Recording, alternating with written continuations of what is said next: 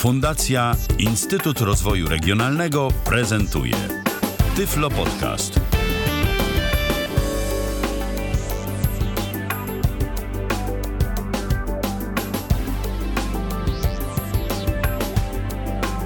Dzień dobry, witam w kolejnym odcinku Tyflo Podcastu. Ala Witek z tej strony.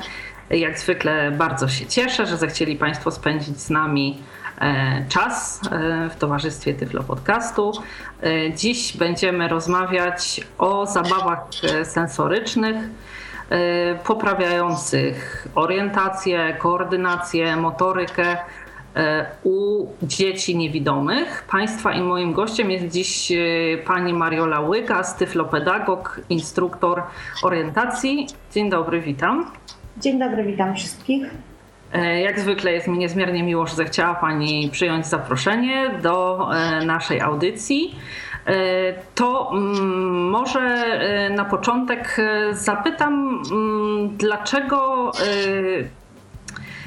ta stymulacja multisensoryczna, dlaczego te zabawy, te ćwiczenia w przypadku dzieci niewidomych mają tak e, duże znaczenie. Ja jeszcze tylko e, zanim za chwilę powtórzę to pytanie, natomiast e, zanim przejdziemy już do odpowiedzi, to chciałabym jeszcze przypomnieć Państwu, że jeśli będą Państwo mieli jakiekolwiek pytania związane z tematem dzisiejszej audycji, można się z nami kontaktować na dwa sposoby. Po pierwsze poprzez komunikator Skype na tyflopodcast.net a także poprzez stacjonarny numer telefonu 123 834 835. E, serdecznie zapraszam do zadawania pytań, tudzież dzielenia się swoimi refleksjami e, w tym temacie. E, cóż, wracam do mm, zadanego pytania. Mm, jak to jest, dlaczego właśnie to, te ćwiczenia orientacji, koordynacji są tak ważne? E, orientacja przestrzenna tego niewidomego dziecka. dziecko. Każde dziecko uczy się czegoś przez naśladowanie. Dzieci niewidome niestety nie mogą podpatrzeć swoich rodziców czy otoczenia, jak sobie radzi z różnymi czynnościami. I u nich to zostaje w ten sposób tak jakby odsunięte na drugi poziom. Dlatego ważne jest, żeby dziecko niewidome stymulować poprzez jego inne zmysły, poprzez zmysł dotyku, węchu, słuchu, czyli zastępujemy mu tutaj w ten sposób te wrażenia wzrokowe innymi zmysłami, tak? Czyli ta integracja sensoryczna, która często jest zaburzona u tych dzieci, musi być e, zrekompensowana, skompensowana czymś innym, o czym teraz właśnie będziemy sobie dokładnie opowiadały mm, na zasadzie różnych właśnie zmysłów, żeby przedstawić Państwu, jak zastąpić e, dane doznanie wzrokowe dziecku niewidomemu poprzez inny zmysł. Jasne. Y, tutaj wspomniała Pani o naśladownictwie. To jest y, jedna ważna kwestia. Y, druga sprawa jest też taka, że mm, bardzo ważne jest wyrabianie też w dzieciach takiej jakby koordynacji i oceny mm, różnego rodzaju obiektów, odległości w przestrzeni, ponieważ mm, tutaj jakby głównie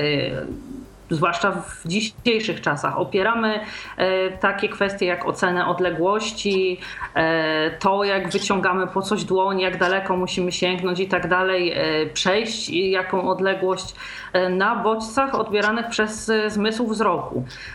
I też w dalszej części porozmawiamy o tym, jak z taką ogólną koordynacją związaną z poruszaniem się, mm, orientowaniem w tym, co nas otacza, ćwiczyć też, tak.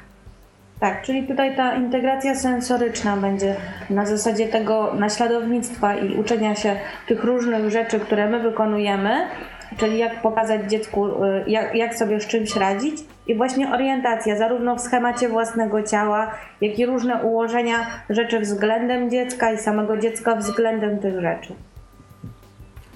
E, jeszcze zanim przejdziemy już do tych konkretnych przykładów, e, chciałabym zapytać, e, w jakim wieku może być dziecko najwcześniej, kiedy rozpoczynamy właśnie mm, jakby eliminowanie zaburzeń tej integracji sensorycznej, kiedy ta praca będzie efektywna, nie będzie podjęta przedwcześnie i ten jakby proces y, tej nazwijmy to jakby rehabilitacji y, będzie przebiegał prawidłowo. Najlepiej integrację sensoryczną, y, czyli te wszystkie doznania zaczynać z, dzieci, z, dzieci, z dziećmi już malutkimi, czyli już z noworodkami. Jeżeli zauważymy, że są jakieś obronności dotykowe, to musimy jak najwcześniej zacząć wprowadzać te bodźce, które pomogą dziecku rozwijać się w dalszym życiu. Integracja sensoryczna ogółem u każdego człowieka zaczyna się już w życiu płodowym, prawda? Więc e, tutaj dziecko, jak już się przechodzi na świat i widzimy, że ma jakieś braki, bo na przykład e, unika nas, e, czy, czy nie nawiązuje kontaktu wzrokowego, wtedy musimy zaczynać obserwować przede wszystkim, co jest, co się mogło wydarzyć, czy to dziecko unika naszego kontaktu, bo może ma problemy wzrokowe, a może właśnie jest coś innego, co to spowodowało. Więc tutaj jest ważna ta nasza obserwacja i wprowadzanie tych poszczególnych elementów już po kolei. Integracja sensoryczna też najlepiej rozwija się do siódmego roku życia, czyli im wcześniej to wprowadzimy, tym lepiej. E, z dorosłymi ludźmi też ważne jest, żeby ćwiczyć, ale to już nie będzie tak efektywne, jak, e, jak dzieci do siódmego roku życia, ewentualnie do końca szkoły podstawowej, czyli do 12 roku życia mniej więcej. Więc tutaj nie jest nigdy za późno, ani nigdy nie jest za wcześnie. Efektywniej, to... im młodszy, tym lepszy. Pozwolę sobie w takim razie e, zapytać o dwa rodzaje diagnozy, taką e, powiedzmy e, prostą, polegającą na tym, że rodzic po pewnych symptomach orientuje się, że ze zmysłem wzroku jego dziecka coś może nie, w zmyśle wzroku jego dziecka coś może nie działać tak jak należy. I później zapytam już o tą diagnostykę fachową, E, która jest prowadzona przez e, terapeutów. E, czyli może od tych symptomów takich najprostszych, które na tym wczesnym etapie, kiedy rodzic czy też inne bliskie osoby obserwują dziecko, powinny nas w kontekście zaburzeń wzroku zaniepokoić. Tutaj przede wszystkim właśnie ten brak nawiązywania kontaktu wzrokowego. Jeżeli wchodzimy do, mm, do pomieszczenia, w którym jest malutkie dziecko w łóżeczku, i na przykład zapalamy światło, to dziecko powinno mimowolnie zwrócić y, głowę odrobinę w tą stronę, y, czy powinno wodzić wzrokiem. Jeżeli my do niego podchodzimy, do, malu, do takiego maluszka, to dzieci zazwyczaj e, mimiką reagują na naszą, na naszą osobę. Na matkę powinno się bardzo uśmiechać, tak? Czyli poznaję tą osobę, tą bliską mi, wiem, że, że jestem bezpieczny w tym momencie, to pokazuję to twarzą. Dziecko, które nie, nie wie czego się spodziewać, e, czyli nie, nie widzi albo bardzo słabo widzi, nie będzie wykazywało mimicznie takiej reakcji naszej. Nie pójdzie za nami wzrokiem, nie będzie się obracało samodzielnie e, w kierunku tego, co mu przedstawiamy. Jeżeli na przykład zbliżamy się do niego, nie będzie, nie będzie mm, tutaj tej koordynacji wzrokowej. Więc to, mhm. są, to są takie rzeczy, które już nam mogą pokazać, że coś jest nie tak. I zaczynając wprowadzać dziecku małemu jakieś zabawki, na początku oczywiście czarno-białe, E, to e, dziecko powinno także reagować na to, co ma blisko siebie. E, czyli na przykład do łóżeczka możemy włożyć jakieś takie buźki czarno-białe, żeby sprawdzać, czy dziecko będzie mm, patrzyło w tą stronę, czyli będzie tym wzrokiem poszukiwało tego w najbliższym swoim otoczeniu. Kolorowe zabawki, karuzele. Jeżeli będzie patrzyło na karuzelę, i wodziło wzrokiem za tymi poruszającymi się elementami, to znaczy, że wszystko jest w porządku. A jeżeli dziecko nie wykaże w ogóle zainteresowania tą zabawką, która powinna być dla niego atrakcyjna, bo tutaj jest coś nowego, kolorowego, rusza się, to też jest kolejny jakiś objaw tego, że coś z tym wzrokiem może być y, niestety nie tak. U dziecka naturalny jest i czym, czym nie należy się sugerować taki zes fizjologiczny. E, I to, to nie jest e, jakaś, jakiś objaw na początku słabego widzenia, bo to jest właśnie po prostu fizjologia, ale te takie reakcje, brak dokładnie, brak reakcji na, na nas, na to, co pokazujemy, powinien być już jakoś tam niepokojący. A czy jesteśmy w stanie y, na przykład przy pomocy jakiegoś prostego testu y, sprawdzić, czy to jest kwestia wzroku, czy czegoś innego? Y, podam taki przykład. Jeśli na przykład mm, jeśli mamy wątpliwości co do tego, czy to jest kwestia jakichś deficytów wzroku, czy też innego rodzaju deficytów? Czy możemy robić takie testy na przykład e, z e, źródłem e, dźwięku albo dotyku i na tej podstawie orientować się w reakcji, na które bodźce dziecko odpowiada w momencie, kiedy powiedzmy, nie wiem, tylko przesuwa się dłoń przed twarzą dziecka, nie reaguje, a w momencie, kiedy na przykład dotyka albo y, gdzieś tam jakąś grzechotką czy czymś w okolicy ucha, które nie pokazujemy, to znaczy jeśli nie reaguje w momencie, kiedy pokazujemy przed twarzą, grzechoczemy gdzieś w okolicach głowy i w tym momencie, jeśli się odwraca, reaguje słuchem. Czy to może być takim przyczynkiem do obaw, że to właśnie ze wzrokiem coś nie działa? Tak, jak najbardziej. I w drugą stronę, jeżeli będziemy też grzechotać, dziecko nie zwróci się, tylko musi, musi być na przykład dźwięk y, y, zrobiony tak, że dziecko na początku nie widzi tej zabawki. Czyli mamy mhm. jakąś grzechotkę i dziecko nie widzi, a my nagle grzechoczemy powiedzmy z prawej strony, tak? I dziecko powinno się zwrócić w tą stronę. Najlepiej by było, żeby były tutaj też dwie osoby, jeżeli sobie tak nie poradzimy. My obserwujemy, a na przykład druga osoba będzie grzechotała. Tak. Mhm. tak. I czy dziecko do tego dźwięku się zwróci, czy dalej mimo wszystko będzie y, na nas powiedzmy patrzyło? to wtedy trzeba to kilkakrotnie oczywiście sprawdzić, bo może akurat w tym momencie nie zarejestrowało, ale jeżeli będziemy y, w kilku miejscach grzechotać i dziecko dalej nie nawiązuje żadnej, żadnego kontaktu z tą grzechotką, czyli nie zwróci się w jej stronę, to znaczy, że coś może być nie tak już tutaj ze słuchem.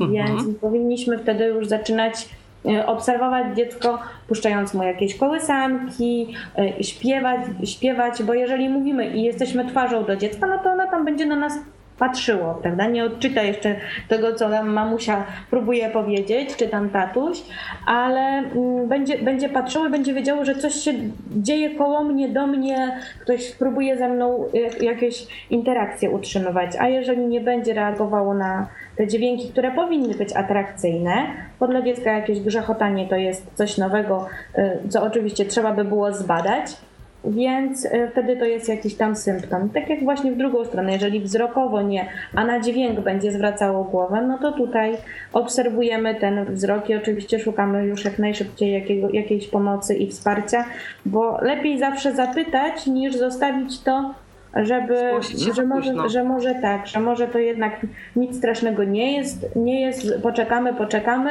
a później może się okazać, że coś jest za późno. Więc lepiej, e, lepiej wcześniej niż coś przegapić.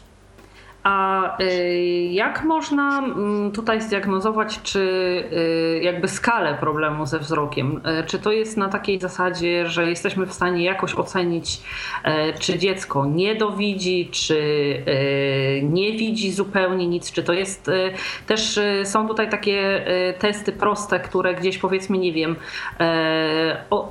odbicie w lustrze, jakieś puszczanie zajączków, przybliżanie źródła światła i sprawdzanie, w którym którym momencie e, dziecko zaczyna na nie reagować, e, czy jeszcze jakieś inne e, też testy możemy wykonać samodzielnie? Możemy zbliżać się z, z daną rzeczą lub oddalać, bo jeżeli będzie miało obwodowe na przykład widzenie, no to trzeba być z, tym dalej. Jeżeli będzie widziało y, tylko środkiem, to trzeba się odpowiednio ustawiać, więc na początku próbujemy te ustawienia y, względem tych, y, tego dziecka, względem oczu, przybliżanie się, oddalanie. Próbujemy y, w ten sposób, czy dziecko będzie reagowało. Jeżeli nie reaguje nadal, ani jak jesteśmy blisko, ani jak daleko, to już tutaj tylko i wyłącznie specjalista, który no, okulista, który będzie mógł e, jakoś sprawdzić e, też e, oszacować skalę. Światło tak? i okulista już tutaj będzie tak interweniował. Dziękuję bardzo. To w takim razie jeszcze w Mm, kontekście dalej tych diagnoz e, wspomniała Pani o okuliście, o specjalistach. E, jak przebiega u dzieci ta diagnoza fachowa? E, my powinniśmy najpierw zgłosić się właśnie do okulisty i on później skieruje nas wraz z dzieckiem do jakichś placówek, gdzie już ta fachowa pomoc terapeutyczna będzie udzielana, czy też odbywa się to na jakichś innych zasadach? Powinno oczywiście być tak, że tutaj już e, lekarz będzie kierował. Różnie to z tym bywa. Są takie punkty, które kompleksowo obsługują dzieci z danymi problemami. Jakieś fundacje, które zajmują się diagnozą wczesną interwencją, tak zwane, bo to, to jest e, zadziałanie e, od narodzenia do szóstego roku życia nazywa się wczesną interwencją, wczesną mhm. rewalidacją, rehabilitacją dziecka. I te placówki świadczą już kompleksowe usługi. E, niektóre działają w porozumieniu z NFZ-em, czyli jest dofinansowanie. Niektóre niestety są e, już mm, tylko i wyłącznie prywatne i trzeba odpłatnie wykonywać wszelkie diagnozy ale w tym miejscu wtedy już jest pomoc i okulisty, i różnego rodzaju terapeutów, e, rehabilitantów, logopedów, osoby, które prowadzą integrację sensoryczną, czyli które tak bodźcują dziecko, to też są wykwalifikowani specjaliści, którzy przechodzą specjalne, e, specjalne kursy. Tutaj przy dzieciach niewidomych idealnie by było, żeby taką integrację sensoryczną prowadziła osoba która jest po tyflopedagogice, czyli która wie, jak dostosować pomoce dla tego dziecka, bo tutaj integracja sensoryczna dziecka, powiedzmy, y, autystycznego będzie przebiegała zupełnie inaczej niż dziecka niewidomego. Bo u dziecka niewidomego nie wprowadzimy niektórych elementów, mm, bo będą na przykład stwarzały zagrożenie. Nie wprowadzimy jakichś y, takich rzeczy, które są atrakcyjne wizualnie, bo dla tego dziecka to, to nie ma sensu. Nie, da, nie ma sensu, tak? Hmm? Dla dziecka słabowidzącego też będzie to jeszcze inaczej przebiegało, bo tutaj musimy dostosować to do, do jego możliwości wzrokowych, czyli musimy robić jakąś, jakąś pomoc na tyle atrakcyjnie dla tego dziecka, żeby faktycznie je zaciekawiła. Więc to już jest taki bardziej, bardzo złożony proces, ale tutaj tak jak mówię, tutaj wszystko już e, w takich placówkach, które będą świadczyły tą kompleksową usługę i e, lekarze okuliści najczęściej pewnie będą odsyłali do e, punktu, który jest w Warszawie i pełni taką kompleksową usługę. Jest to Stowarzyszenie Tęcza. Tam rodzice mogą uzyskać pomoc, tak jak mówię, właśnie kompleksową, zarówno pomoc psychologa, logopedy, rehabilitanta, terapeuty integracji sensorycznej, e, typlopedagoga, terapeutów widzenia. Po prostu takie, takie jakie są potrzeby, tak placówka stara się spełnić oczekiwania i, i potrzeby tego dziecka i jego rodziców. Dobrze, że to też e, wszystko jest w jednym miejscu, bo też trudno z e, takim małym dzieckiem co chwilę gdzieś e, indziej jeździć, żeby spotykało inne osoby, inne miejsca. Myślę, że z dobrym skutkiem też dla przebiegu samej terapii jest to, że właśnie w jednym miejscu ma możliwość skorzystania i z prawidłowej diagnozy i późniejszej terapii. Tak, dokładnie. I tutaj dziecko już też nabiera zaufania i do, te, do tego miejsca, w którym przychodzi mu przebywać, no praktycznie już jeżeli trafi tam od takiego maluszka, to do szóstego roku życia E, będzie tam przyjeżdżał, będzie miał tą rehabilitację taką zwartą, bo to na ogół wygląda tak, że e, jednego dnia jest tyle, ile dziecko da radę pociągnąć. Nic też na siłę, prawda? Czyli jeżeli dziecko jest wydolne powiedzmy na, jednego, na jedne zajęcia, będzie miało jedne. Jeżeli będzie mogło skorzystać z podwójnych zajęć, czyli na przykład z terapii widzenia i z zajęć logopedycznych, to będzie tutaj e, taki blok zajęć podwójnych. Jeżeli nie, no to trzeba będzie dojeżdżać częściej, ale zawsze to jest to miejsce, które dziecko już wie, zna i zna te osoby, z którymi e, będzie tam pracował, czyli te swoje ciocie, które nawiązują ten e, kontakt taki regularny i, no i skuteczny dla tego dziecka. Jasne. Dobrze, to może e, przejdźmy do samej już terapii, tej integracji multisensorycznej. E, tutaj e, wspomniała Pani o tym, że polega ona na kompensowaniu deficytów w jednym zmyśle e, maksymalnym wykorzystaniem pozostałych.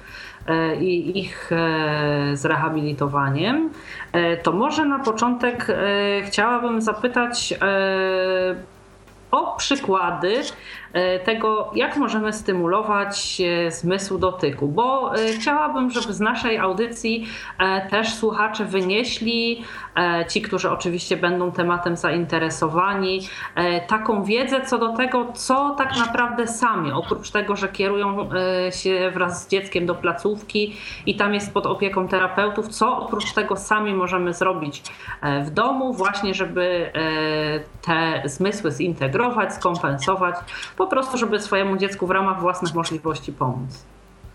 To tutaj, zaczynając od zmysłu dotyku, e, ważne jest przede wszystkim sprawdzenie, czy nasze dziecko nie ma jakiejś obronności dotykowej. Dotyczy to takich rzeczy typu kisiel. E, kisiel jest, ma konsystencję taką żelową dosyć, prawda? Kisiel, galaretka. I niektóre dzieci, e, które mają problemy ze wzrokiem, dzieci niewidome, nie chcą dotykać tego typu rzeczy bo mm, może stanowią dla nich jakieś e, pewnego typu obrzydzenie, więc e, unikają tego. Jeżeli zauważymy, że nasze dziecko właśnie nie lubi dotykać takich rzeczy, musimy je wprowadzać, ale nie na siłę, czyli e, wplatamy to w jakąś zabawę, tak odrobinę na chwileczkę. Podajemy mu, czy pozwalamy mu się w tym pobawić przez chwilę, albo na przykład wrzucamy do to też już jest przykład jakiejś zabawy, czyli przygotowujemy kisiel, do, do kiślu, który ostygnie, wrzucamy jakieś ulubione malutkie zabaweczki dziecka z prośbą, żeby wyciągnęło, zanurzyło w wodzie, więc tutaj ma y, zmysł dotyku i poznaje też y, konsystencję, tak? Woda będzie. Dwa rodzaje różnych, tak? Tak. Woda, będzie, woda będzie, i... tak. I a tutaj żelowy, żelowy kisiel powinniśmy te wszystkie zabawy na początku uatrakcyjniać w ten sposób, że stwarzamy dla dziecka jakąś historię. Czyli opowiadamy, że na przykład e, jakieś, jakaś ta ulubiona postać, czyli ulubiony bohater bajki szedł przez las i spotkało go jakieś nieszczęście, wpadł gdzieś, no musimy go uratować. Więc dla dziecka w ten sposób czy staje się też on tak jakby bohaterem, tak? Będę ratował tego mojego ulubieńca, żeby jemu się tutaj nic nie stało, więc ja będę dzielny i mu pomogę. I w ten sposób zachęcamy dziecko bardziej do tej aktywności dotykowej. Możemy wykorzystywać różnego rodzaju kasze, które mamy w domu, ryż i w to wrzucamy jakieś drobne elementy z prośbą, żeby dziecko to wyciągnęło. Na przykład wrzucamy, dziecko nasze potrafi liczyć do pięciu, no to wrzucamy pięć e, kółek e, do, do kaszy i prosimy, żeby je e, wyłowiło. I też oczywiście stwarzamy do tego jakiś scenariusz, który dziecko zachęci. No bo jak powiem, a wyciągnij mi teraz z tego ryżu te kółeczka, pięć ci wrzuciłam, no to to dziecko tak, no, no po co mam to robić, tak? A jeżeli mu przedstawimy jak, jakiś scenariusz taki ciekawy, który wciągnie dziecko, to będzie dla niego z dużą korzyścią, bo tutaj będzie sam się czuł taki dowartościowany, że komuś tam pomagam, a e, i oczywiście sobie w ten sposób ćwiczę. Do tego wykorzystamy kaszę, ryż, mąkę. Możemy się bawić e, jeszcze mm, z makaronem, różnego rodzaju makarony, czyli na przykład mieszamy i prosimy, żeby wyciągnął tylko wstążeczki. Więc to już jest w jakiś tam sposób też y, dotyko, dotykowe ćwiczenie y, palców, czyli chwyty pensetkowe, żeby to wyciągnąć. Więc tutaj można naprawdę na, na różne sposoby y, to wykorzystywać. Dotyk możemy też ćwiczyć poprzez stworzenie dla dziecka na przykład domina dotykowego. Mm, czyli robimy sobie samo, mm, jakieś takie mm, karteczki, naklejamy karbowany, chropowaty. Wykorzystujemy tutaj papier na przykład y, ścierny, coś co mamy, co mamy pod ręką, czyli kawałek jakiegoś materiału. Jeans będzie miał inną fakturę niż y, na przykład jedwab. jakaś bawełna, jedwab. To, więc tutaj dziecko będzie, będzie wiedziało, że, że to do, dotykam, sprawdzam, no to to jest coś takiego, szukam w pozostałych identycznego. Więc tutaj można to właśnie zrobić samodzielnie, wykorzystując jakieś resztki, ścinki, e, rzeczy, które mamy w domu. Mhm. E, e. Możemy też plastelinę wykorzystywać, ciastolinę, czyli robimy jakieś wzorki i na przykład ja ułożę z plasteliny ciąg kreseczka, kółeczko, kreseczka. Zrób tak samo, czyli już tutaj musi robić wałeczki, tak, żeby zrobić jakąś kreseczkę z plasteliny. Więc tutaj sobie ćwiczy też te dłonie. Możemy sposób. też e, to, jako towarzyszącą historię temu wyklejaniu e, zachęcić e, dziecko do wykonania takiego jakby wypukłego obrazka z plasteliny i wtedy będzie musiało zrobić jakieś tam poszczególne elementy, tak? Słoneczko, czyli takie kółko, odchodzące od niego promyczki, czyli jakieś tam wałeczki szersze w jednym miejscu, węższe przy końcach i tak dalej, i tak dalej. I to będzie sprawiało chyba, większe, że dziecko będzie miało większe poczucie sensu takiej pracy, że nie klei kulek, wałków czy czegoś tam dla samego klejenia i turlania, tak? Tak, czyli tutaj też znowu ten scenariusz jest potrzebny. Możemy też powiedzieć dziecku, no to wcześniej ja dla ciebie coś zrobiłam, ty to powtarzasz, to teraz ty przygotuj dla mnie jakąś zagadkę, ja spróbuję zrobić to, co ty. Więc to też będzie dla dziecka jakieś takie poczucie tego, że, że ja teraz przygotowuję dla, dla mamy, mm, czy dla taty, czy dla kogoś tam najbliższego jakieś, jakieś zadanie i to teraz rodzic będzie wykonywał. Więc y, dziecko też się w ten sposób rozwija, rozwija się jego wyobraźnia, bo musi coś dla nas wymyśleć. I, i będzie ciągle tutaj będzie coś ćwiczył i, i wykonywał, prawda? Do tego dotyku możemy też wykorzystywać y, mm, na przykład lód, czyli coś zamrożonego. Wcześniej samodzielnie oczywiście poprosimy dziecko, żeby pomogło nam to przygotować. Przygotujemy na przykład wspólnie masę solną i z tej masy solnej będziemy tworzyli jakieś rzeczy, wypieczemy i, i to będzie dla dziecka y, jakaś zabawa. I do tej masy solnej można wykorzystywać przyprawy typu goździki, pieprz y, niezmielony, I, I, dziecko będzie na przykład tworzyło sobie samodzielnie bałwanka, jeżeli zbliżamy się do świąt y, Bożego Narodzenia i w ten sposób będziemy robić y, ozdoby na choinkę. Więc dziecko samodzielnie wykona coś, co będzie wisiało na tej choince, będzie się mogło tak jakby szczycić, że to ono y, samodzielnie wykonało i to ozdabia choinkę, która stoi w naszym domu i wszyscy będą ją podziwiali. Więc Bo ja myślę, że w ten sposób to wykorzystać. Tutaj poza tym aspektem e, stricte terapeutycznym w kontekście dotyku, e, niemniej ważne są też te e, aspekty psychologiczne takie, że po pierwsze spędzamy z dzieckiem czas, ma okazję robić coś z nami, nie pozostaje samo sobie. Po drugie, robiąc coś właśnie dla nas, czy też na choinkę, jakby jest rozbudzona taka jakby cecha bardziej, takie cechy bardziej społeczne, że też ma świadomość tego, że właśnie jest w stanie zrobić e, coś dla kogoś i to ma też jakąś wartość. I e, także te kwestie, że e, też to podnosi jakby jego poczucie własnej wartości, że jest w stanie, nie wiem, czy to właśnie wykonać jakieś ozdoby, czy to jakieś broszki z masy solnej, właśnie ozdoby choinkowe, czy cokolwiek innego, gdzie ma jakby poczucie takiej samodzielności, czy nie wiem, sprawstwa, że samo jest w stanie e, coś tam przygotować, tak? Tak, właśnie. To jest też ważne w takiej edukacji włączającej. Jeżeli na przykład nauczyciele mają dziecko z problemami wzrokowymi, które nie jest w stanie wykonywać perfekcyjnie, idealnie takich rzeczy, które wymagają takiej mm, precyzji, precyzji tak? E, I może też to w taki sposób wykorzystać. Dzieciaki na przykład będą kolorowały, a ta część koloruje, a ta niech robi kolaż. I niech nie robi to tylko ten dany uczeń, żeby się czuł, a no tylko ja robię, tylko dzielimy grupę na połowę. Ta maluje farbami, druga połowa robi kolaż. I to dziecko słabowidzące będzie w pełni włączone. I tak samo dziecko niewidome wykonując jakiś kolaż przy pomocy tego nauczyciela, poczuje się, że takie spełnione, że wszyscy do tej pory to robili. Dzisiaj mogę też i ja. I zaistnieć istnieje, moja praca będzie wisiała, wszyscy rodzice będą mogli to podziwiać i nie będę w ten sposób jakoś mm, naznaczony, że a wszystkie dzieci pokolorowały, a ja mam inną pracę. Tylko pół na pół, prawda?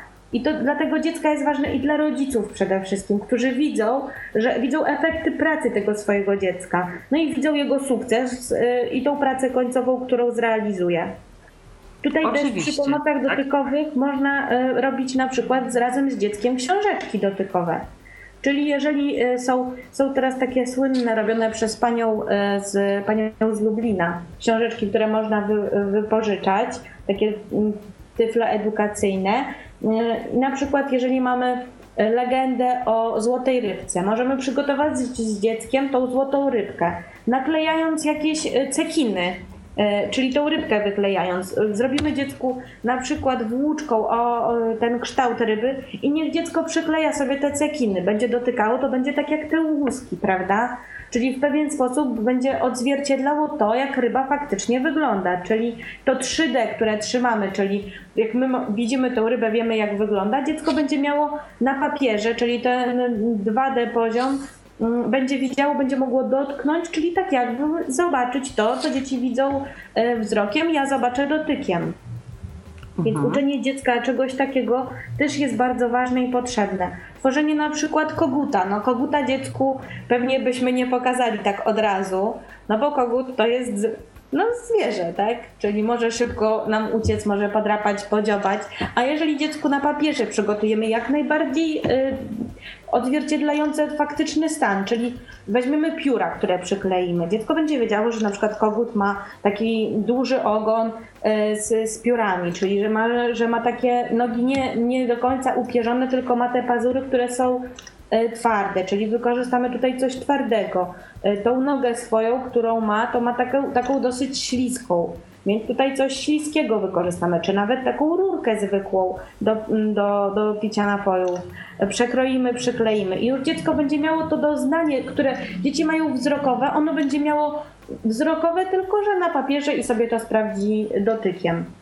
Więc tutaj można naprawdę na różne sposoby wykorzystywać to, co mamy w domu, co możemy y, szybko, po co możemy sięgnąć. Nie musimy specjalnie jeździć i kupować tych pomocy, które są typowo przeznaczone już, bo już jest ich coraz więcej, przeznaczonych dla dzieci niepełnosprawnych wzrokowo, tylko w swoich warunkach możemy tanim kosztem przygotować coś atrakcyjnego dla naszego dziecka i jeszcze na dodatek spędzić z nim czas.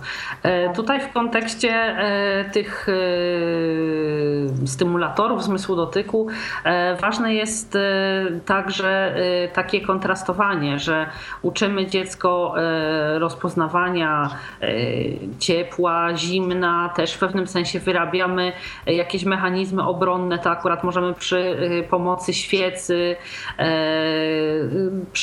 spróbować taką metodą żeby dziecko nauczyć, na jaką odległość może się zbliżać do źródeł e, ciepła. E, tak samo też e, przez różnego rodzaju rozmiary, jakby różnicować, poznawać wielkość, powiedzmy, przez ziarna, groch, fasola, będą, fasoli będą większe i tak dalej, i tak dalej. Przez wszystkie tego typu zabawy, tak samo koordynację ruchową, na przykład przez wrzucanie odpowiedniego, odpowiedniej wielkości elementów do odpowiedniego e, kształtu czy wielkości otworów, tak? E, tak, to jak są... najbardziej. Bo są e, do tego też już takie różne przeznaczone, e, przeznaczone zabawki, ale my też możemy samodzielnie to zrobić. Bierzemy pudełko chociażby po butach. Wycinamy tak jak mamy klocki, bo klocki to zazwyczaj już dla dziecka mamy, jeżeli nie, no to na przykład wycinamy, bierzemy elementy, które mamy, korki, E, czy bierzemy coś, e, co jeszcze takiego możemy wykorzystać? Jakieś pudełeczka po kremach. Wycinamy w pudełku po butach odpowiednie wielkości, tak żeby ta, ta rzecz, którą przygotujemy, czyli na przykład korek, czy jakieś pudełeczko po kremie, żeby się tam zmieściło i e, wtedy dziecko będzie musiało dopasować. Oczywiście, tak jak, tak jak z każdym jednym, nawet taką zakupioną zabawką, może próbować wpychać to nie w, odpowie- w nieodpowiednią e, przegródkę. Albo przerzucić wszystkie tak. przez największy, tak? Tak, ale to wtedy pokazujemy, że a popatrz, tutaj wygląda to tak, spróbuj tutaj przerzucić. I e, oczywiście musimy dziecko nagradzać jakimiś dobrymi komentarzami, pozytywnymi. Takie wzmocnienia pozytywne są naprawdę bardzo ważne tej kwestii. I jak dziecko y, wie, że no coś mi tam się nie, nie udało, ale zaraz naprawia, naprawimy wspólnie, tak? Więc pokazujemy dziecku, że no, no trudno, każdy ma jakieś niepowodzenia, ale już zaraz pokażę ci, jak możesz coś zrobić, żeby faktycznie odnieść ten sukces. I wtedy dziecko będzie bardzo chętnie do tego sięgało. E, tak samo też e, bardzo pomocną e, taką zabawą przy ocenianiu kształtów obiektu i na przykład odwzorowywaniu pewnego schematu ich ułożenia może być zabawa w nakrywanie to stołu. Przynosimy duży talerzek, mały talerzek, duży widelczyk, mały widelczyk, dużą łyżkę, małą łyżkę. Układamy w jakiś schemat, tak jak to powinno być ułożone. Oczywiście to nie jest zabawa dla zupełnego malucha, bo i trzeba zapamiętać, jak ten schemat będzie wyglądał i też nie można dopuścić do takiej sytuacji, żeby dziecko tymi przedmiotami zrobiło sobie krzywdę, tak? Ale już w przypadku starszych dzieci można właśnie w ten sposób ćwiczyć przez to różnicowanie i przez zapamiętywanie tego schematu właśnie w jakiej odległości, w jakim położeniu względem siebie określone przedmioty powinny być kładzione, tak? Dokładnie. I tu już jest też ważny aspekt taki, że dziecko jest włączane w te czynności dnia tak codziennego, tak? W ten sposób będzie dziecko nakrywało stół, więc pomogę mamie przygotować do obiadu. Skoro nie potrafię e, ugotować czegoś, bo jestem jeszcze za mały czy za mała, ale mogę nakryć do stołu. W ten sposób odciążę mamę i będę miał wkład w przygotowanie posiłku. I to też jest takie wzmacniające dla tego dziecka i potrzebne. Oczywiście, yy, zwłaszcza, że też yy, daje jakiś tam aspekt niezbędnej wiedzy na przyszłość yy, poza tym, bo po prostu dziecko, tak jak inne dzieci przez naśladownictwo, widząc jak wzrokiem, tak, mogąc zobaczyć jak odbywa się nakrywanie, tutaj dziecko właśnie przez to naśladownictwo też uczy się od małego jak powinno to wyglądać. Dobrze, to myślę, że z tym dotykiem tyle. Czy coś jeszcze chciałaby Pani dodać? Tutaj możemy jeszcze wspomnieć tylko o tym, że to nie tak. tylko ręce, ale też na przykład i nogi. Możemy przygotować mhm. dziecku wycieraczki. Wycieraczki te do butów są też z różnych faktur. Są gumowe, są y, na przykład z takim włosiem wystającym, czy takie Słomiane. wykładziny PCV. Tak, słomiane. Są też wykładziny PCV, które można kupić na, na metry i można też poszukać różnych faktur. Czasami mamy na przykład E, to, to moja mama miała jakieś tam futro, czyli, czyli tutaj to można wykorzystać mm, takie, jakieś włosie, które też może być atrakcyjne, ale też niekoniecznie. Ale w ten sposób, jeżeli dziecku ułożymy e, taki jakiś labirynt, że musi przejść powiedzmy tylko i wyłącznie po gumowych, więc i co drugie będzie gumowe, no to dziecko będzie musiało też e, dawać dużego kroka, jeżeli się nauczy, tak? Pierwsze przejdzie po tych różnych, które mu przygotujemy, więc tutaj też stopy są E, włączone to. I, I dotyk to nie tylko ręce, ale też i nogi, więc tutaj można to naprawdę na różne sposoby wykorzystać i umilić dziecku czas i sobie przede wszystkim. E, ja jeszcze e, powiedziałabym więcej, że to nie tylko ręce i nogi, ale i całe ciało. Można też e, przygotować sobie na przykład wraz z dzieckiem zabawę z nagrodami. Na zasadzie, że dziecko zgaduje, czym jest, nie wiem, dotykane czy łaskotane. Może to być piórko, może być chusteczka, może być pędzelek i różne tym podobne rzeczy. Najpierw pokazujemy dziecku wszystkie te przedmioty, a później e, po samym ich dotyku e, na e, rękach, na plecach można bawić się z dzieckiem w ten sposób, że będzie zgadywało właśnie jakiego rodzaju przedmiotem jest przez nas łaskotane czy tam dotykane. Tak. Takich pomysłów może być naprawdę bardzo dużo. Zawijanie dziecka w różnego rodzaju też faktury, w koc, w wykładzinę, w dywan. Więc tutaj dziecko też w ten sposób uci, tak, uciskane też przez nas. Robi się z niego naleśnika, więc się tam obraca, zmienia swoje miejsce położenia. Dziecko może nas zabijać, czyli też ćwiczy sobie i dotyk e, taki popychający nas. I, e, I tutaj ćwiczy sobie nie tylko właśnie ten dotyk popychania, ale też dotyka tych faktur, czyli odwrażliwia się, jeżeli któraś mu tak nie do końca pasuje. Jasne. E, to może teraz e, porozmawiajmy przez chwilę o tym, e, jak możemy stymulować ten nasz mityczny słuch niewidomych, tak? wokół którego e, mitów jest co niemiara. Większość osób widzących sądzi, że e, każdy niewidomy ma słuch absolutny. E, tutaj u jednych rzeczywiście ten słuch absolutny występuje, na dru u drugich jest to kwestia kompensacji właśnie zmysłu wzroku zmysłem słuchu. To jak ten słuch możemy stymulować, bo oczywiście jest tutaj tutaj e, absolutnym, e, absolutną prawdą to, że e, w przypadku braku bodźców zmysłu wzroku, te pochodzące od, ze zmysłu słuchu są nam bardzo pomocne. Tak, tutaj słuch możemy wspierać na przykład poprzez nagrywanie różnego rodzaju dźwięków z otoczenia. Czyli nagramy na przykład jak ptaki śpiewają, jak szum ruchu ulicznego i będziemy dziecku mm, to puszczać też na zasadzie na przykład zagadek takich dźwiękowych, czy, czy muzyka ogólnie że, że tą muzykę włączamy w, w nasze zabawy, jakieś piosenki i wspólnie, wspólnie na przykład bierzemy sobie jakieś instrumenty i próbujemy grać. Robimy sobie różnego rodzaju samodzielnie grzechotki. Bierzemy jakieś e, pudełko, do którego włożymy groch, fasolę, czyli tutaj znowu ten dotyk będzie włączony. Robimy sobie grzechotkę i sobie gramy do jakieś rytmy. I naśladujemy wspólnie, czyli ja na przykład zagram dwa razy grzechotką, raz e, e, o cymbałki. I dziecko, żeby powtarzało to, co ja stworzyłam. I w drugą stronę dziecko gra, ja powtarzam to, co dziecko zrobiło. Więc tutaj dobrze by było, żeby były takie podwójne zestawy. Jak robimy grzechotkę, no to żeby były dwie i dla mnie, i dla dziecka, żeby faktycznie można było tutaj różnego rodzaju zabawy y, wymyśleć. Dobrą taką. Tak? tak? Dobrą taką e, dwusmysłową zabawą jest też granie na bębenku, bo oprócz tego, że ćwiczymy słuch, to ćwiczymy też dotyk przez to, że dziecko powtarza jakby natężenie stukania w ten bębenek. Powtarza po nas e, lekkie i mocniejsze stuknięcia i e, samo słuchem musi ocenić, które były lżejsze, a które mocniejsze. Natomiast też ten zmysł dotyku ćwiczy przez to, że po prostu wyrabia koordynację w sobie, że powtarzając te mocniejsze i słabsze uderzenia, tak? Tak, dokładnie. Możemy też wykorzystywać różne rzeczy, które mamy na stole, nawet uderzenia o stół, jeżeli nie mamy bębenka, ogarnki. E, wykorzy wykorzystywać to w każdej, w każdej dostępnej e, chwili.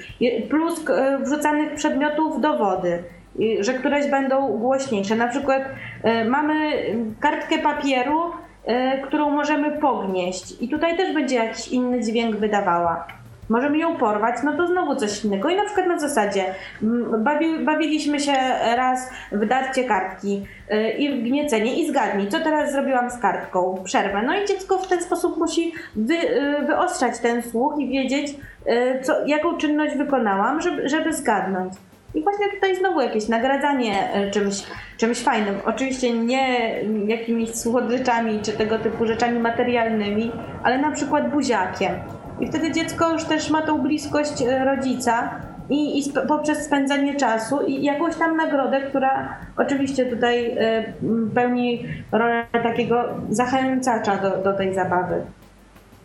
E, jasne. Y, druga kwestia jest e, ze słuchem też taka, mi osobiście bardzo się spodobał e, pomysł, kiedy, kiedy przygotowywałam się tutaj do audycji wraz z panią na zabawę taką słuchową, służącą też temu, że ćwiczy się trochę słuch, a trochę mowę w momencie, kiedy mówimy do dziecka różnym tonem, mówimy do dziecka ciszej raz, raz głośniej i ono też ma powtarzać i to jest właśnie po pierwsze ćwiczenie zmysłu słuchu, a po drugie też e, tej koordynacji takiej w mowie właśnie.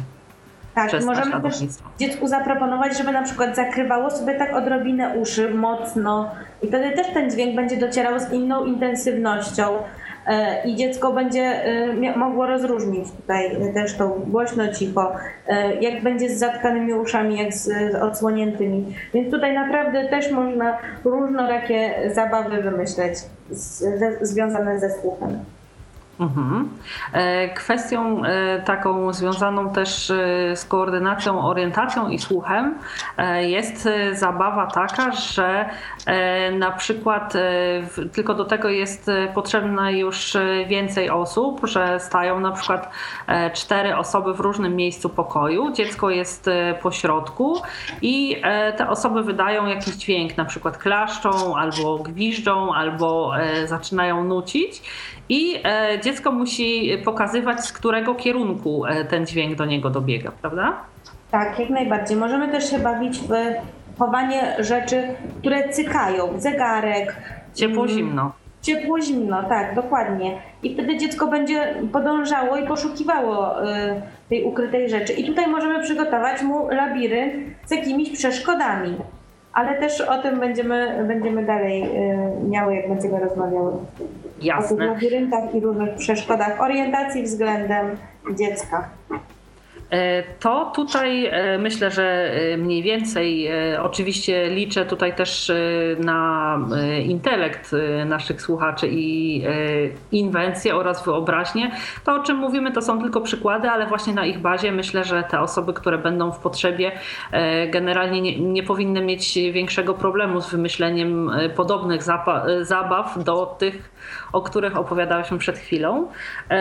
To cóż, może teraz zmysły zmysły węchu i zmysły smaku, e, one może jawią się nam e, jako takie mniej kompensujące e, niż dotyk i słuch w kontekście wzroku, ale też nie zaszkodzi stymulacja tych zmysłów właśnie w kontekście takiego ogólnego rozwoju dziecka.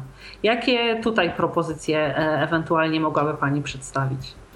Ze zmysłem węchu to jeszcze dodam, że jest e, bardzo często wykorzystywany mimo wszystko w orientacji przestrzennej. Mhm. Jeżeli na przykład zmieniamy okolice miejsca zamieszkania i chcemy znaleźć piekarnię, to zmysł węchu bardzo nam w tej kwestii na przykład pomoże. Czy sklep, e, sklep mięsny. One mają takie specyficzne zapachy, więc tak. łatwiej jest je też zlokalizować dodatkowo właśnie korzystając ze, zmy, ze zmysłu węchu.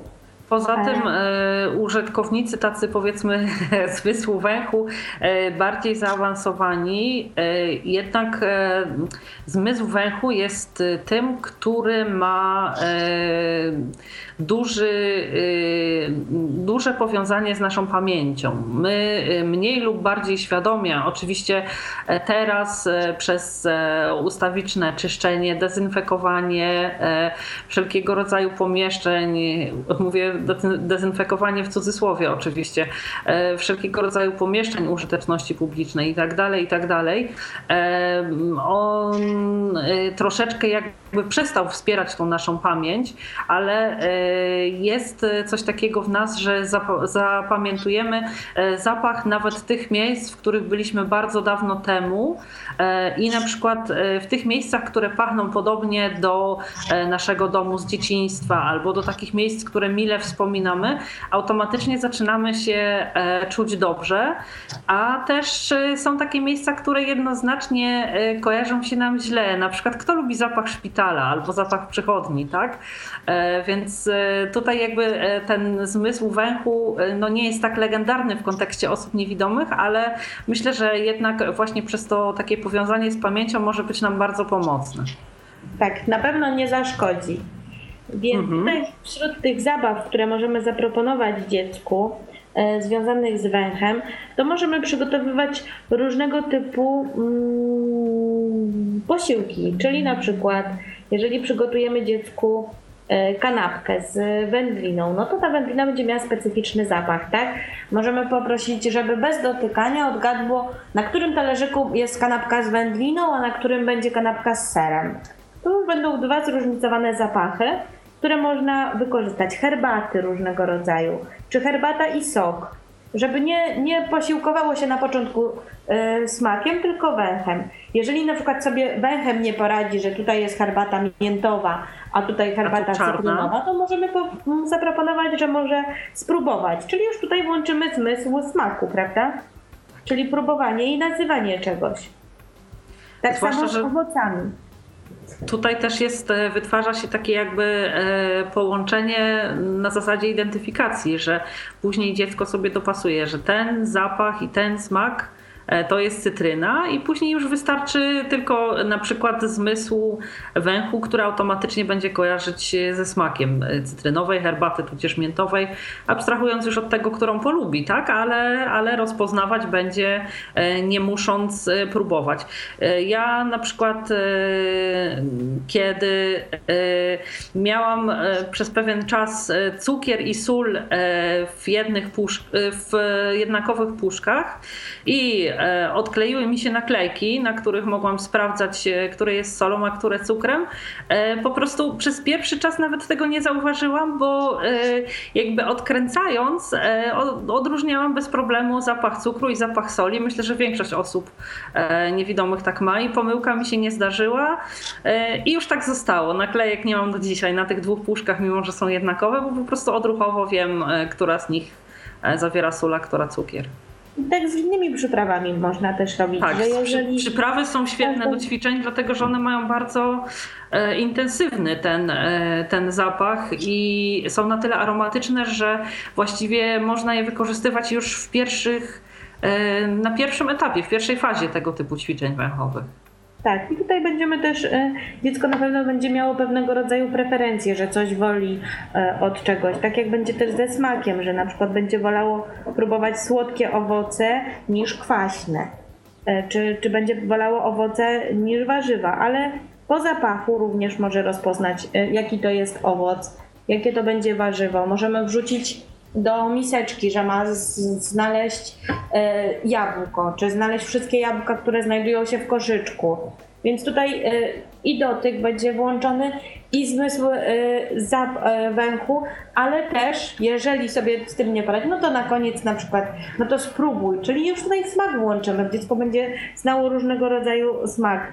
Czy to jabłka, czy to cytryny, którą też oczywiście możemy dać do spróbowania E, czy, czy marchewkę. Po prostu w różny, w różny sposób możemy to połączyć, nawet z gotowaniem, czyli będę gotować, no to podaj mi teraz marchewkę. Więc dziecko je, zarówno po dotyku, po, po zapachu może rozpoznać, co to jest za warzywo. E, na przykład pietruszka i marchewka będą miały kształt zbliżony, prawda? Więc tutaj już e, będzie, będzie ten zmysł węchu jak najbardziej zasadny do wykorzystania i pomocny.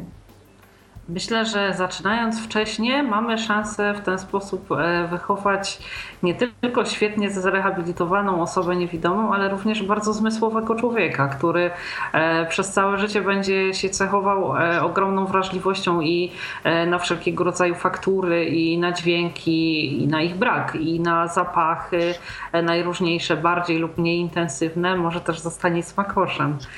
Tak, albo i kucharzem. Im, tak. wcześniej, Im wcześniej, tym lepiej. Tutaj właśnie to nie zaszkodzi, a wprost przeciwnie, pomoże dziecku otworzyć się na świat. Oczywiście, zresztą e, myślę, że im więcej mamy wszelkiego rodzaju doświadczeń, e, tym oczywiście mamy szersze horyzonty i e, większe spektrum e, jakieś w przyszłości e, przy podejmowaniu jakichkolwiek wyborów, tak, dotyczących tego, co lubimy, nie lubimy jeść, gdzie i w jakich okolicznościach czujemy się bezpiecznie, jakiego rodzaju zadań jesteśmy się w stanie podjąć i tak dalej, i tak dalej, bo zwyczajnie jesteśmy bardziej świadomi swoich umiejętności sensorycznych. Dokładnie. E, dobrze, to e, zmysły e, te podstawowe tutaj poza zmysłem wzroku zostawmy. Chciałabym porozmawiać teraz przez chwileczkę o takiej koordynacji motoryki, równowagi i tak dalej.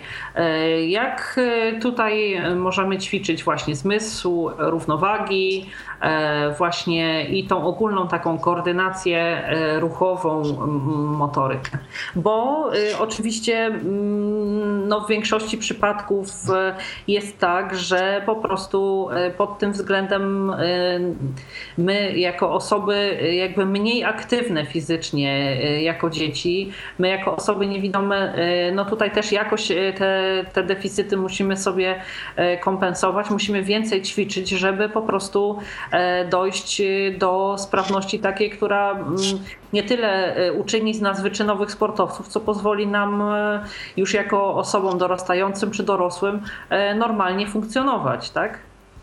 Tak, jak najbardziej. Tutaj jak dziecko uczęszcza na zajęcia z integracji sensorycznej, to są specjalistyczne huśtawki, E, hamaki, które można sobie zawiesić e, w domu na oczywiście przygotowanym odpowiednio haku i z tego korzystać, ale to, to już jest taki sprzęt typowo specjalistyczny. My natomiast jako rodzice możemy dziecko wziąć w koc i obydwoje, dwie osoby mogą dziecko pochuśtać samodzielnie, czyli bierzemy koc, dziecko się kładzie na kocu. Tutaj też już będzie ćwiczona orientacja, bo musi się położyć na, nie obok, nie pod, tylko na E, i my będziemy to dziecko huśtali, żeby dziecko nabywało mm, takiego zmysłu, że może coś tam się kołysać, prawda? E, może poskakać na piłce. Taka piłka zwykła do pilatesu, którą można często, taka, taka duża, którą można często kupić za nieduże pieniądze, może być wykorzystana na wiele różnych sposobów, zarówno właśnie przy tym zmyśle równowagi, jak i podczas takiej zwykłej, zwykłej zabawy i, i przy, przy nauce orientacji. Jasne, możemy też tak? E, zabezpieczając dziecko, e, pozwolić mu się kłaść na piłce i bujać w ten sposób, na brzuchu, na plecach. Tylko to oczywiście wymaga od nas uwagi, no bo piłka to piłka i trzeba oczywiście przez cały czas mieć się na baczności, żeby dziecko nie spadło. E, pomocne są też karuzele. One pozwalają też właśnie poczuć dziecku, jak działają siły dośrodkowe, odśrodkowe pozwalają mu e, poczuć ruch, e, to przemieszczanie się po okręgu, uświadomić sobie e, na jakiej zasadzie to się odbywa, więc tutaj też w pogodny dzień do parku na karuzelę chyba jak najbardziej, prawda? Pewnie, że tak. Jeszcze są też karuzele takie, które mają montowane pedała, czyli nie trzeba dziecka kręcić samodzielnie, tylko dziecko siada na stanowisku, gdzie ma zamocowane pedały i sobie kręci, więc uczy się też tego, że można sobie tymi nogami kręcić, tak jak jazda na rowerze. Czyli mhm. kręcąc nogami wprawiam to w ruch. Mogę kręcić zarówno do przodu, jak i do tyłu. Więc e, dziecko uczy się dodatkowo y, jakiejś tam umiejętności y, pracy tymi, tymi stopami. Więc to, to też jest bardzo ważne i pomocne. Może, możemy dziecko my samodzielnie pokręcić. Dziecko może pokręcić nas, bo siadamy z nim. No to ja pokręciłam ciebie, to teraz pokręć mnie. Więc też tutaj my się włączamy w tą jego zabawę i, e, i jesteśmy z nim w trakcie tej, tej akcji takiej, kiedy ono się czegoś tam uczy. Więc to, to jest bardzo korzystne. Wspominała też Pani wcześniej o tych e, takich, e, tutaj z kolei połączymy trochę zmysł równowagi ze zmysłem dotyku. E, wspominała Pani o tych e, takich ścieżkach e, wykonywanych z różnego rodzaju materiału. E, możemy wykonać taką wąską ścieżkę i dziecko na bosaka będzie musiało przejść, nie schodząc z niej, więc tutaj jest jakby i ten zmysł dotyku, gdzie idzie po jednego rodzaju materiale i E, schodząc z niego orientuje się, że e, ma do czynienia pod stopami już z inną fakturą, a tak samo też e, idąc po takim wąskim, jakby po namalowanej kresce, powiedzmy tak obrazowo, idąc po takim wąskim, gdzie może postawić powiedzmy obie stopy, tylko jedną obok siebie, też ćwiczy sobie zmysł równowagi, tak? Tak, jak najbardziej. Również możemy wykorzystać na przykład deskorolkę. I tutaj my będziemy dziecko popychać, czy dziecko będzie się odpychało rękami, nogami, musi tutaj też y, zachowywać koordynację ciała, żeby nie spać, bo deskorolka mimo wszystko jest wąska, więc jeżeli na nią usiądzie, no to musi uważać, żeby się nie przechylić ani na prawo, ani na lewo, żeby się z tej deskorolki dziecko nie, nie upadło, tak. Mm, tutaj jeszcze można wykorzystać, są często na takich, mm, co teraz stało się bardzo modne, takie e, osiedlowe siłownie, na których mhm. są różnego rodzaju sprzęty i są też takie jakby wahadła, czyli dziecko sobie staje, e, po prawej i po lewej stronie ma takie uchwyty do trzymania i może się wprawić w ruch poprzez odpychanie się nogami.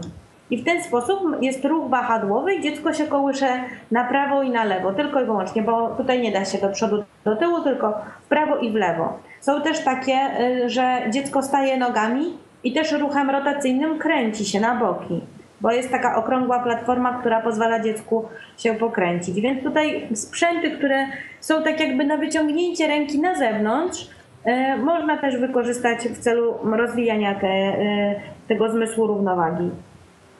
Jasne. E, to dziękuję bardzo. O, o zmysłach na razie tyle. E, na koniec wrócimy jeszcze e, ewentualnie do tych jakichś kwestii związanych ze zmysłami, z ćwiczeniem zmysłów u osób niewidomych. Teraz dla równowagi chciałabym, żebyśmy porozmawiały chwilę o osobach niedowidzących jeśli będę mogła poprosić ewentualnie o jakieś przykłady, Tutaj na początek może chciałabym spytać, czy mm, takie zabawy służące dzieciom niedowidzącym do oceny położenia siebie względem innych osób albo innych osób względem siebie.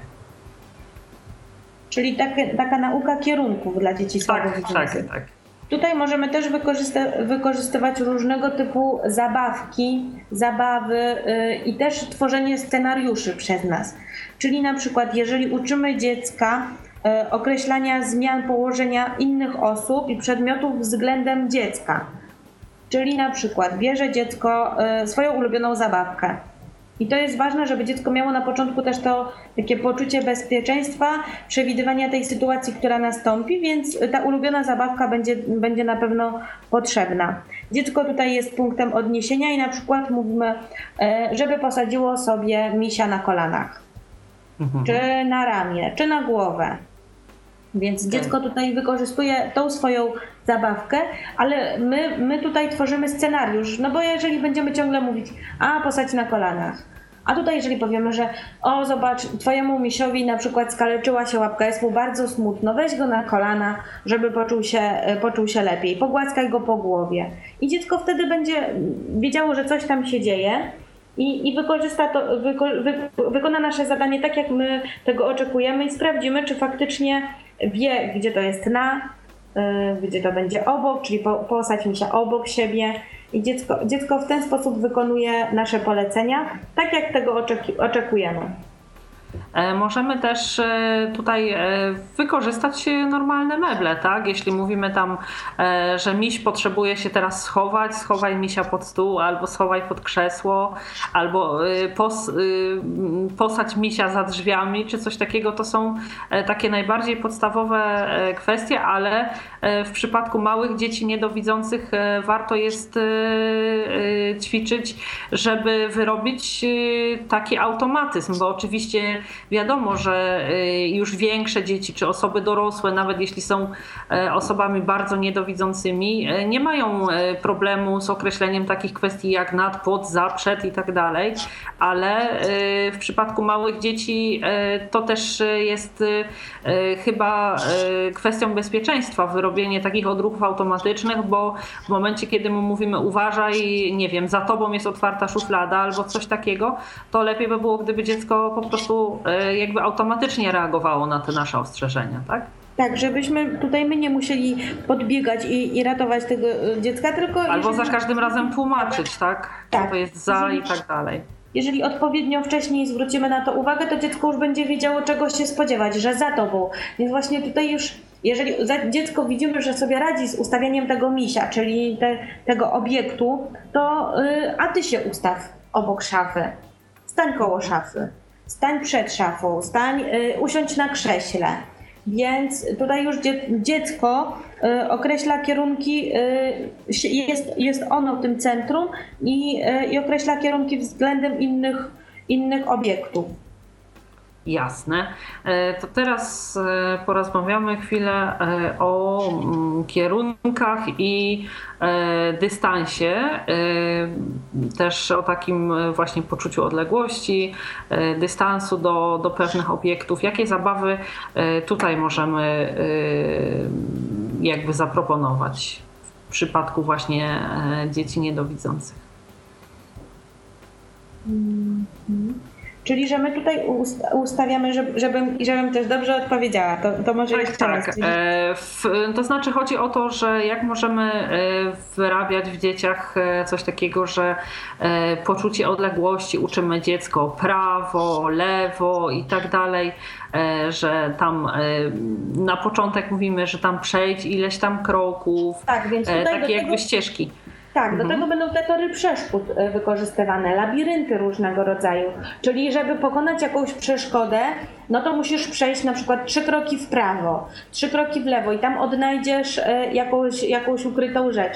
Czyli tutaj tworzymy sobie scenariusz i, i robimy, rozmieszczamy różne, różne ważne dla dziecka rzeczy, żeby mogło sobie pozbierać. Czyli na przykład bawimy się, nie wiem, w zbieranie grzybów, I, I, dajemy dziecku polecenia konkretne, żeby wykonywało. Bo jeżeli na przykład y, idź trzy kroki w prawo, e, bo jeżeli, bo w lewo jest jak, jakieś jezioro, żebyś nie wpadł. Więc tutaj tak, tak też wy, wymyślamy coś, żeby sprawdzić, jak dziecko sobie z tym radzi, żeby wzmacniać w nim to, E, czyli wyobra- raz, że wyobraźnia, że coś tam może się zadziać, ma jakiś ciąg dalszy, ta nasza historia i dziecko będzie w ten sposób sobie ćwiczyło te prawa, lewa, e, trzy kroki do przodu, czyli gdzie jest przód, gdzie jest tył, tak? Tam, gdzie moje plecy, to będzie mój tył. Bo jeżeli się obrócę, jeżeli dziecko się obróci o ileś tam stopni, e, to, to też będzie już w innym kierunku ustawione, więc tutaj można wszystko po kolei stopniowo wplatać, żeby dziecko y, mogło się w ten sposób też rozwijać. I tutaj też będziemy używali na początku znanych dziecku rzeczy i te zabawy powinny być w znanym dziecku otoczeniu, czyli na początku robimy to w pokoju, a później y, w pokoju, w domu, a później wychodzimy z tym na zewnątrz, czyli wprowadzamy powoli odległości większe, czyli większy dystans do pokonania i wprowadzamy stopniowo dalsze otoczenie, nieznane dziecku, żeby mogło się mierzyć z tą przestrzenią, która w życiu dorosłym też je będzie spotykała. Czyli będzie musiało wiedzieć, że czasem trzeba się schylić, żeby na przykład nie dostać gałęzią w głowę, jeżeli wiem, że ta gałąź będzie na mnie czyhała. Więc tutaj jest ważne, ważna ta stałość i stopniowanie trudności. Nie, nie od razu rzucamy dziecko na tak zwaną głęboką wodę, tylko dajemy mu czas na to, żeby tego wszystkiego stopniowo mogło się nauczyć. E, kolejnym takim krokiem e, jest e, mm, uczenie dziecka pewnej takiej jakby dalszej perspektywy w kontekście takim, że nie tylko uczymy go, że na przykład coś jest w odległości od niego trzy kroki na prawo, ale takim już bardziej zaawansowanym schematem jest ten, kiedy opisujemy dziecku, że coś jest ode mnie ileś tam na prawo, że uczymy dziecko, że najpierw do jednego punktu, później do drugiego punktu. E, to znaczy e, nie uczymy go tylko odniesienia w przestrzeni co do własnej e, osoby, że coś mam po mojej lewej, coś mam po mojej prawej za mną, czy też przede mną, ale też uczymy odniesienia obiektów względem siebie. Mówimy, że na przykład jakiś tam smakołyk, zabawka, czy cokolwiek innego jest schowane, powiedzmy, nie wiem, na półce obok, nie wiem, szafy. Coś innego zostało położone na półce e, nad łóżkiem. Coś i tak dalej. W ten sposób e, właśnie e, też jakby już nie jest to tylko ćwiczenie tego schematu takiego w tej najbardziej uproszczonej formie, tak? Tak, tak, dokładnie. I też stopniując trudność, pozwalamy dziecku na to, żeby to ono e, nam stworzyło taką zabawę, czyli żeby ono sobie opracowało tą drogę. Koncepcję, tak? Własną tak, miało. Tak, tak, czyli żeby ono było świadome tej przestrzeni, która jest tutaj w najbliższym otoczeniu i żeby potrafiło nam powiedzieć, udzielić jakichś wskazówek, żebyśmy znaleźli ukrytą przez niego rzecz. Więc to też będzie bardzo, bardzo dobrze wpływało na e, rozwijanie i orientacji i, kre, i kreatywności tego dziecka. Więc tutaj będzie bardzo dużo efektów e, w jednym. E, też taką Kolejną rzeczą jest stawianie na przykład jakiegoś obiektu pomiędzy innymi, które dziecko będzie musiało znaleźć. Takim kolejnym małym kroczkiem, że już nie tylko, że mówimy, że jest na półce obok szafy, ale na przykład, że jest w małym kubeczku pomiędzy większymi kubkami i tutaj dziecko musi najpierw przejść drogę do szafy, później e, do półki obok, a później jeszcze e, pomiędzy jakimiś dużymi e, pojemnikami czy też kubkami w mniejszym naczyniu znaleźć ten schowany przez nasz przedmiot, tak? Tak, jak najbardziej. Więc tutaj to stopniowanie i urozmaicanie tego o nowe pojęcia jest bardzo ważne, żeby dziecko faktycznie miało świadomość tego, że to nie tylko mamy te podstawowe pojęcia na przed, tylko może być między, może być y, gdzieś tam bardziej ukryte. Dziecko musi się nauczyć rozróżniać te, te pojęcia, które do niego tak jakby kierujemy. Mhm. E, to wszystko oczywiście w momencie, kiedy słucha tego osoba dorosła, może się wydawać e, e, banalne, no bo cóż to za trudność odnalezienie czegoś w półce, na półce obok szafy albo w jednym z pojemników stojących na półce. Natomiast w przypadku małych dzieci niedowidzących właśnie takie ćwiczenie kierunków, ćwiczenie też tej koordynacji świadomości dystansu, jaki dzieli poszczególne obiekty od siebie albo e, je od e, poszczególnych obiektów, e, mają kluczowe znaczenie y, w takich kwestiach jak choćby y, na przykład bezpieczeństwo tego dziecka, gdzie e, właśnie ono się w pewien sposób uczy takich pojęć, które mm, jakby dziecko widząc dobrze kwestie, nie wiem, odległości, właśnie dystansu, tych kierunków, mm, jakby tą wiedzę posiada automatycznie, tak, poprzez bodźce wzrokowe. No a osoby niedowidzące bardzo często mają tak, że dostrzegają jakieś przedmioty dopiero jeśli w odpowiedni sposób względem nich się ustawią albo jeśli podejdą odpowiednio blisko, więc y, tutaj te ćwiczenia y, mają jakby fundamentalne znaczenie y, do tego, jak będą, dla tego, jak będą funkcjonować w przyszłości, tak? Gdzieś w różnych miejscach znanych, nieznanych. To też sprawia, że na przykład w miejscach, w których znajdują się po raz pierwszy jest im łatwiej się orientować, jeśli ktoś na przykład im coś tam opisze, że e, potrzebują dojść w ten sposób albo e, taką drogą trzeba przejść albo skręcić. E, wyrabia się taka jakby troszeczkę pamięć. Hmm, jakby to nazwać, no, topografia będzie trochę może tutaj zbyt dużym słowem, ale, ale jednak tutaj resztki wzroku czy jakieś ta, ta część e, widzenia, która zostaje e, pomimo schorzenia jest owszem pomocna, ale e, tutaj wydaje mi się, że też taki zmysł dotyczący właśnie odległości, czy też wyobraźni, którą potrafimy w sobie obudzić odnośnie tego, gdzie jakiś przedmiot, wejście dokądś się znajduje, z opisywanej drogi też będzie nam bardzo pomocne. Tak, jak najbardziej. Więc tutaj e, ważne jest też to, żeby jak e, jesteśmy na etapie przygotowywania tych zabaw, wymyślania, żeby temu dziecku dodatkowo pomóc, czyli wspomóc je dodatkowym oświetleniem, e, wysyceniem danego przedmiotu, czyli nie możemy kłaść na przykład czerwonej książki na czerwonej kanapie tylko musimy mhm. też pomóc temu dziecku, żeby to było bardziej wysycone, czyli biała książka. Kontrastowane, biała książka, tak? Żeby ten kontrast jednak tutaj e, zaistniał. W ten sposób ułatwiamy dziecku i nie, ono się nie zniechęci do poszukiwania czegoś. I zawsze to będzie coś nowego, atrakcyjnego, ciekawego dla niego, e, co, co jeszcze rozbudza tą wyobraźnię i, i ciekawość tego świata. Myślę, że też e, dobrym pomysłem będzie zapytanie e, terapeuty, który prowadzi zajęcia z naszym dzieckiem, e, na przykład jakiego rodzaju przedmioty dla naszego dziecka są trudne do zobaczenia, jakiej wielkości przedmioty dostrzega bez trudu, czy i na ile rozróżnia kolory, jakiego oświetlenia wymaga właśnie to miejsce, w którym przebywa pokój i tak dalej, bo to też są takie istotne sprawy.